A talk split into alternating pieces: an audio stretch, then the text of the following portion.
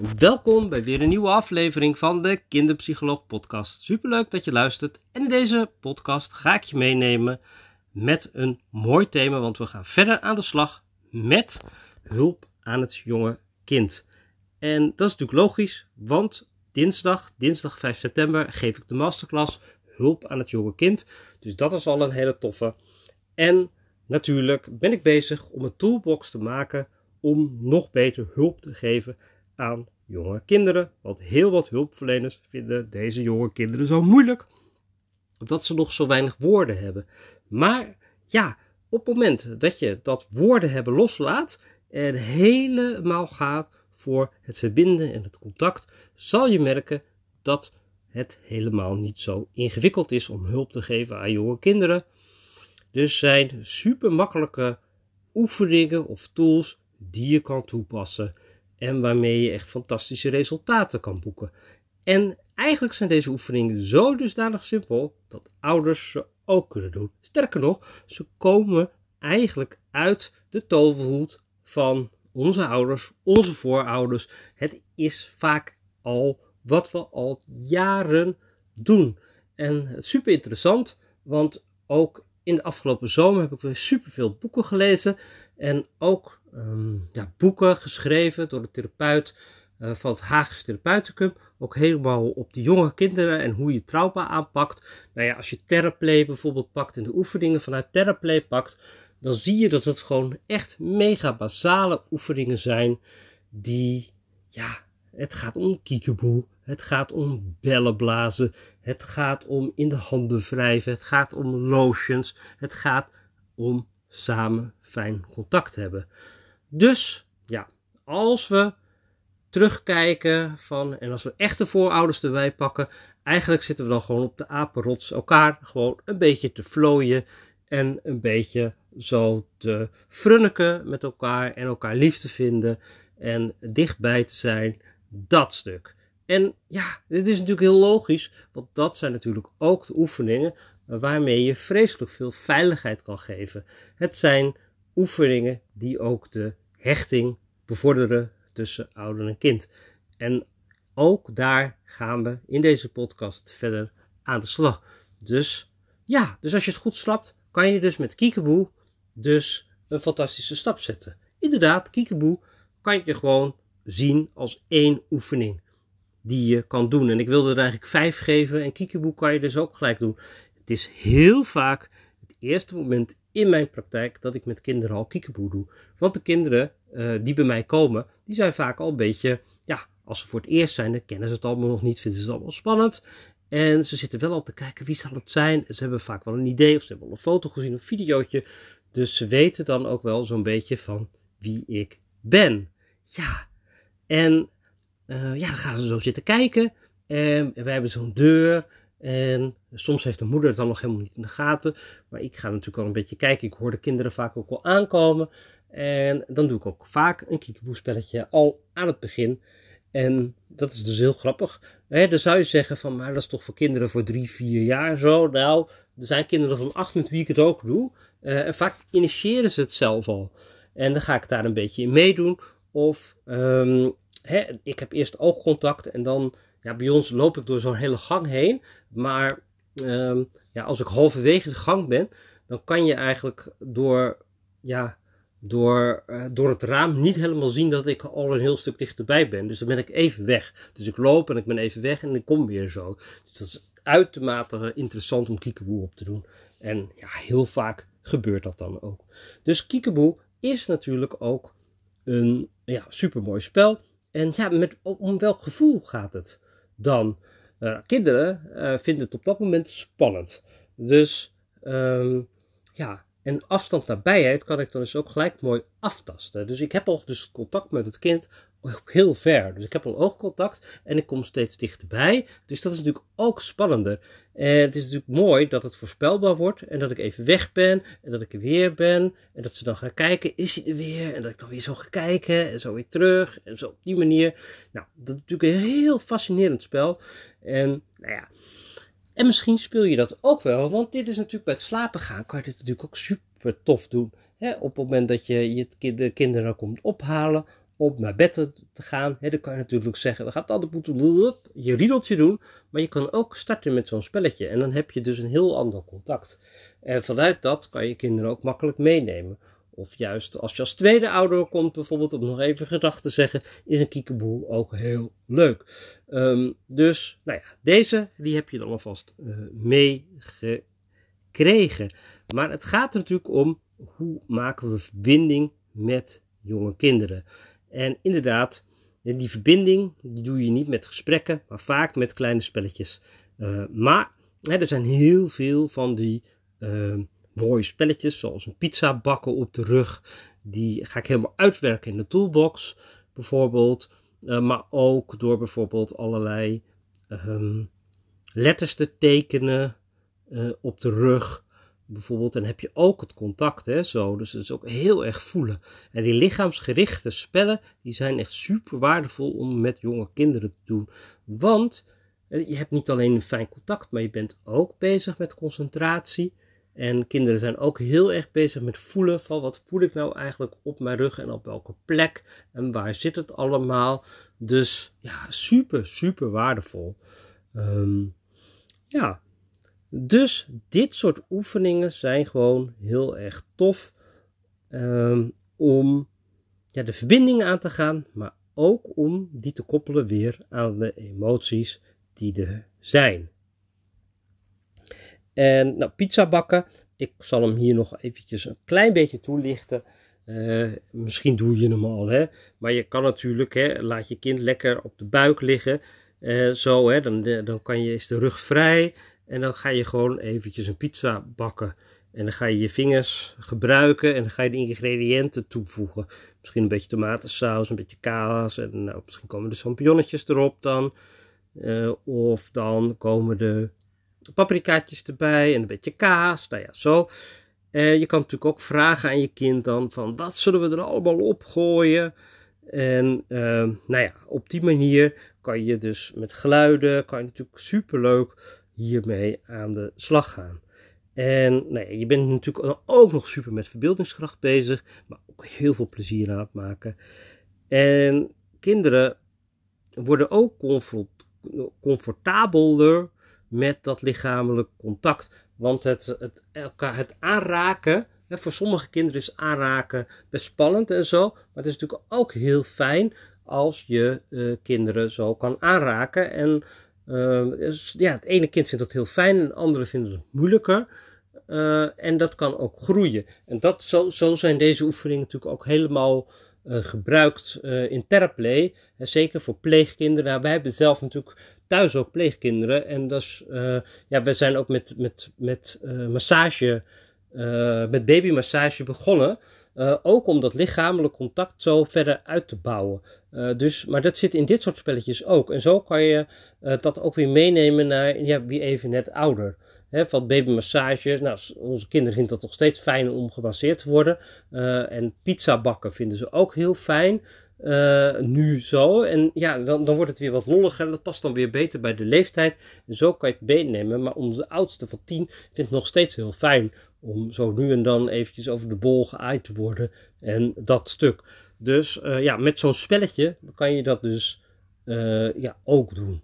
En ehm, ja, dus daarmee ben je dus dan ook echt heel mooi met dat lichaamsbewustzijn al super mooi bezig.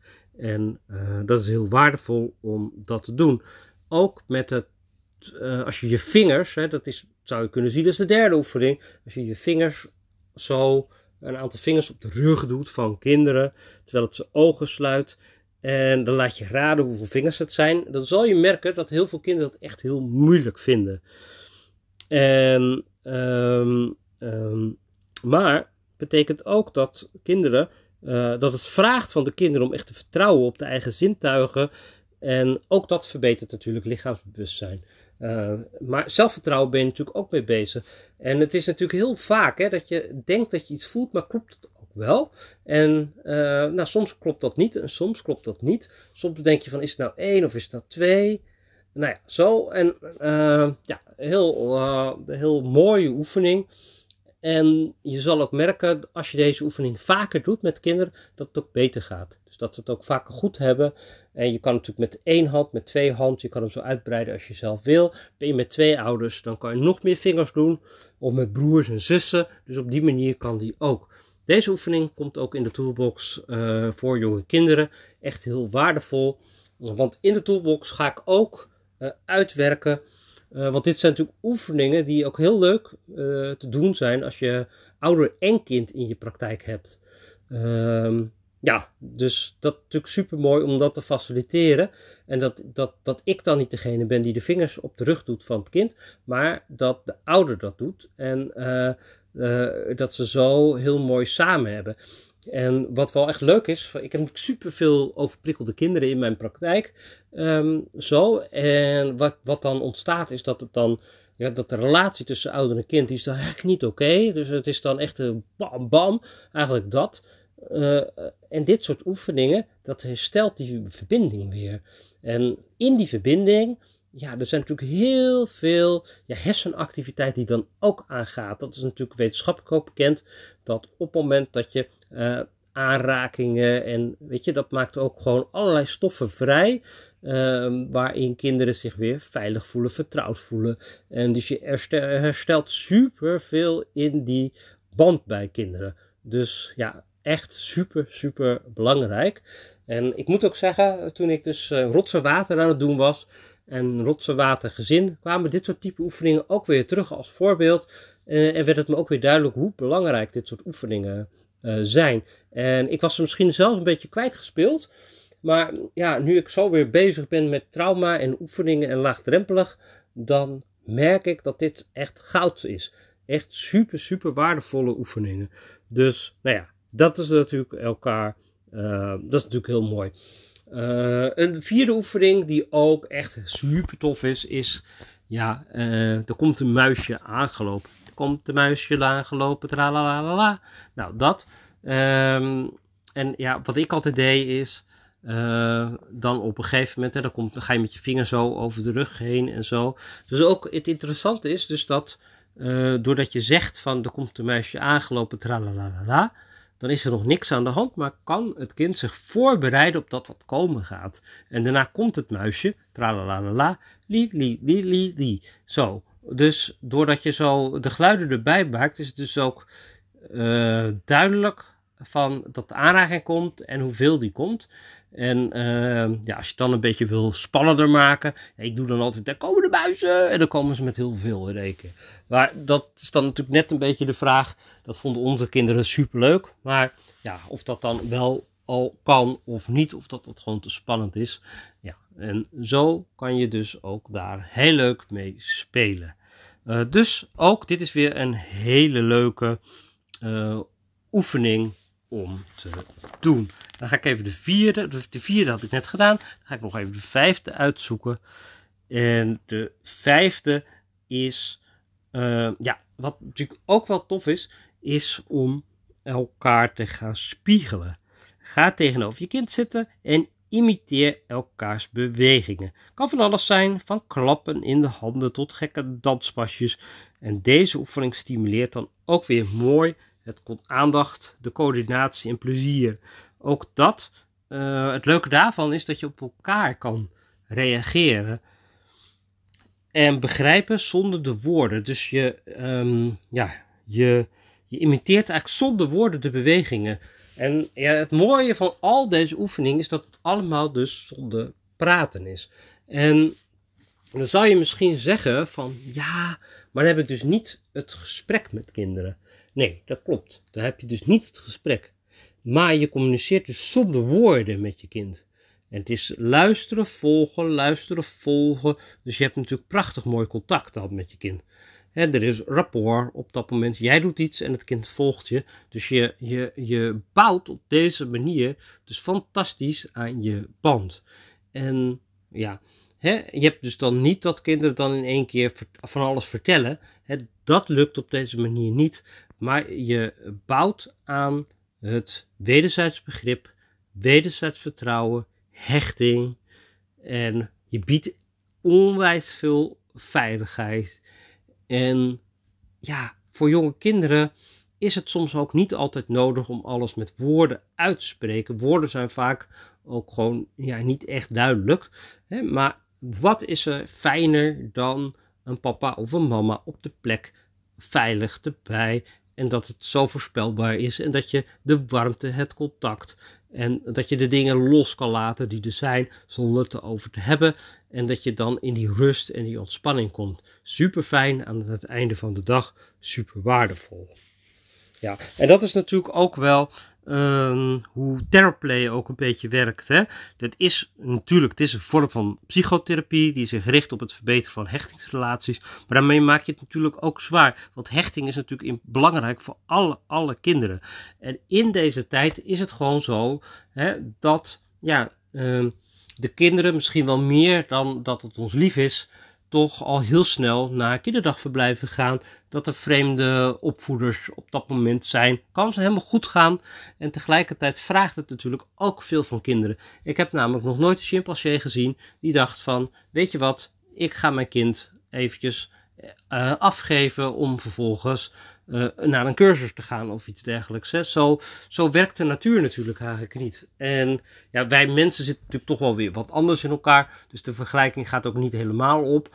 Maar er zit natuurlijk wel een oerbehoefte in bij het kind en zowel bij de ouder om dit helemaal niet zo op deze manier uh, te willen. Het is iets wat ingebakken zit in onze maatschappij. En de behoefte op veiligheid, ja, die is er natuurlijk. Gelukkig kunnen wij mensen ook die behoefte vaak best goed uitstellen. En maar tegelijkertijd is die behoefte aan veiligheid er ook wel. Dus op het moment dat je een druk leven hebt en um, ja, de, de momenten dat je er echt bent met je kind, hè, dat dat al na een jaar bijvoorbeeld toch anders is, of misschien al eerder, dat je dus dagverblijf toch al vrij snel weet uh, ja, in te zetten. Uh, hoe belangrijk is het om voor jezelf dit soort momenten te hebben? En ja, daar is deze podcast dan ook helemaal voor uh, bedoeld. En nog even terug naar de teleplay. Het is natuurlijk ook gebaseerd op de overtuiging dat een veilige hechting echt essentieel is voor de gezonde emotionele en sociale ontwikkeling van een kind. Hechting verwijst naar het vermogen van een kind om een emotionele band te kunnen vormen en zich veilig te voelen. Dus ja, uh, super mooie oefeningen uh, om te doen. En inderdaad, misschien denk je van ja, maar die doe ik allemaal al. Nou, super. En misschien dat ik je ook wel weer gewoon eventjes meeneemt met van, oh, zo eenvoudig is het dus, Sander. Ja, inderdaad. Ik was ook wel benieuwd, uh, want ik heb een heel hechtingsboek, een boek gekocht ook met allerlei uh, uh, superveel oefeningen ook voor mij ook om te doen. En daar zitten natuurlijk ook wel oefeningen in die wel wat dieper gaan. En die kan ze natuurlijk ook gerichter inzetten. Dus dat is natuurlijk ook met de toolbox, kan je ze ook echt gerichter voor een doel inzetten. Maar weet je, als ouder ja, dan, dan ben je daar niet zo mee bezig. Dan gaat het om gewoon om een mooi fijn contact te maken. En dan, dan, dan houden we het natuurlijk gewoon super simpel. Uh, maar ja, zo simpel is het dus ook. Dus met z'n allen gaan we op de apenrots elkaar een beetje zitten vlooien en doen en dat. En daarmee hebben we dus mooi contact. En vanuit dat contact kan je dus ook weer verder. En ja, dan ga je gewoon je emotionele band versterken met je kind. En daar gaat het om in deze podcast. Ik heb vijf prachtige oefeningen gedeeld. Op het moment dat je denkt, oh, die toolbox, jonge kind, lijkt me ook super tof. 5 september, je kan je nog even opgeven uh, en dat doe je ook mee. Heb je hem gemist of beluister je deze podcast later, dan is de toolbox ook nog een periode te koop en dan kan je hem gewoon ook bestellen en dan heb je hem ook. En deze podcast of deze toolbox komt natuurlijk ook in het binnenste buiten lidmaatschap. Um, een aantal toolboxen zoals deze, die gaan tijdelijk beschikbaar zijn. En daarna ga ik ze allemaal in het binnenste buitenlidmaatschap. En het binnenste buitenlidmaatschap, wat is dat dan? Het binnenste buitenlidmaatschap is uh, het nieuwe programma wat ik heb, het lidmaatschap, waarbij je toegang krijgt tot alle, alle materialen. En dat is natuurlijk super mooi, want deze toolbox zit daar dan ook weer helemaal bij. Dus vind je het super waardevol wat ik doe. En um, luister je graag de podcast en kan je heel, heb je gewoon behoefte aan zo'n hele uh, ja, toolbox, een heel uh, bibliotheek aan oefeningen en dingen die je kan doen. Dan is dit natuurlijk super waardevol. Het is helemaal in de pilot. Ik ben het nog helemaal aan het vormgeven. Maar nou ja, als je bedenkt dat al die programma's bouwen aan zelfvertrouwen, kunst van boos zijn, toolbox boos, toolbox jonge kind, een interactief werkboek, grip op je schermen, uh, sta sterk in de wereld 1, sta sterk in de wereld 2 er allemaal in zitten, is het natuurlijk mega interessant om daar nu als allereerste in mee te doen. Dus ik ben daar nog helemaal mee bezig. De website, de pagina daarvoor is nog, nog niet af. Ik heb via een blog een mooie pagina. Dus als je daar nieuwsgierig bent, kan je even kijken. Maar je kan er wel al in en je kan ook gewoon meedoen. En dan met de selecte pilotgroep ga ik ook gewoon, kan ik hem mooi fine-tunen om die, die binnenste buiten lidmaatschap en de omgeving daar zo praktisch mogelijk in te richten. Mocht je daar vragen over hebben, info jeugd- en kinderpraktijkrota.nl. Daar kan je natuurlijk kijken. En um, hieronder, onder deze podcast, komen ook nog eventjes de linkjes te staan. Wens ik je een fijne dag en zie ik je heel graag bij een volgende podcast.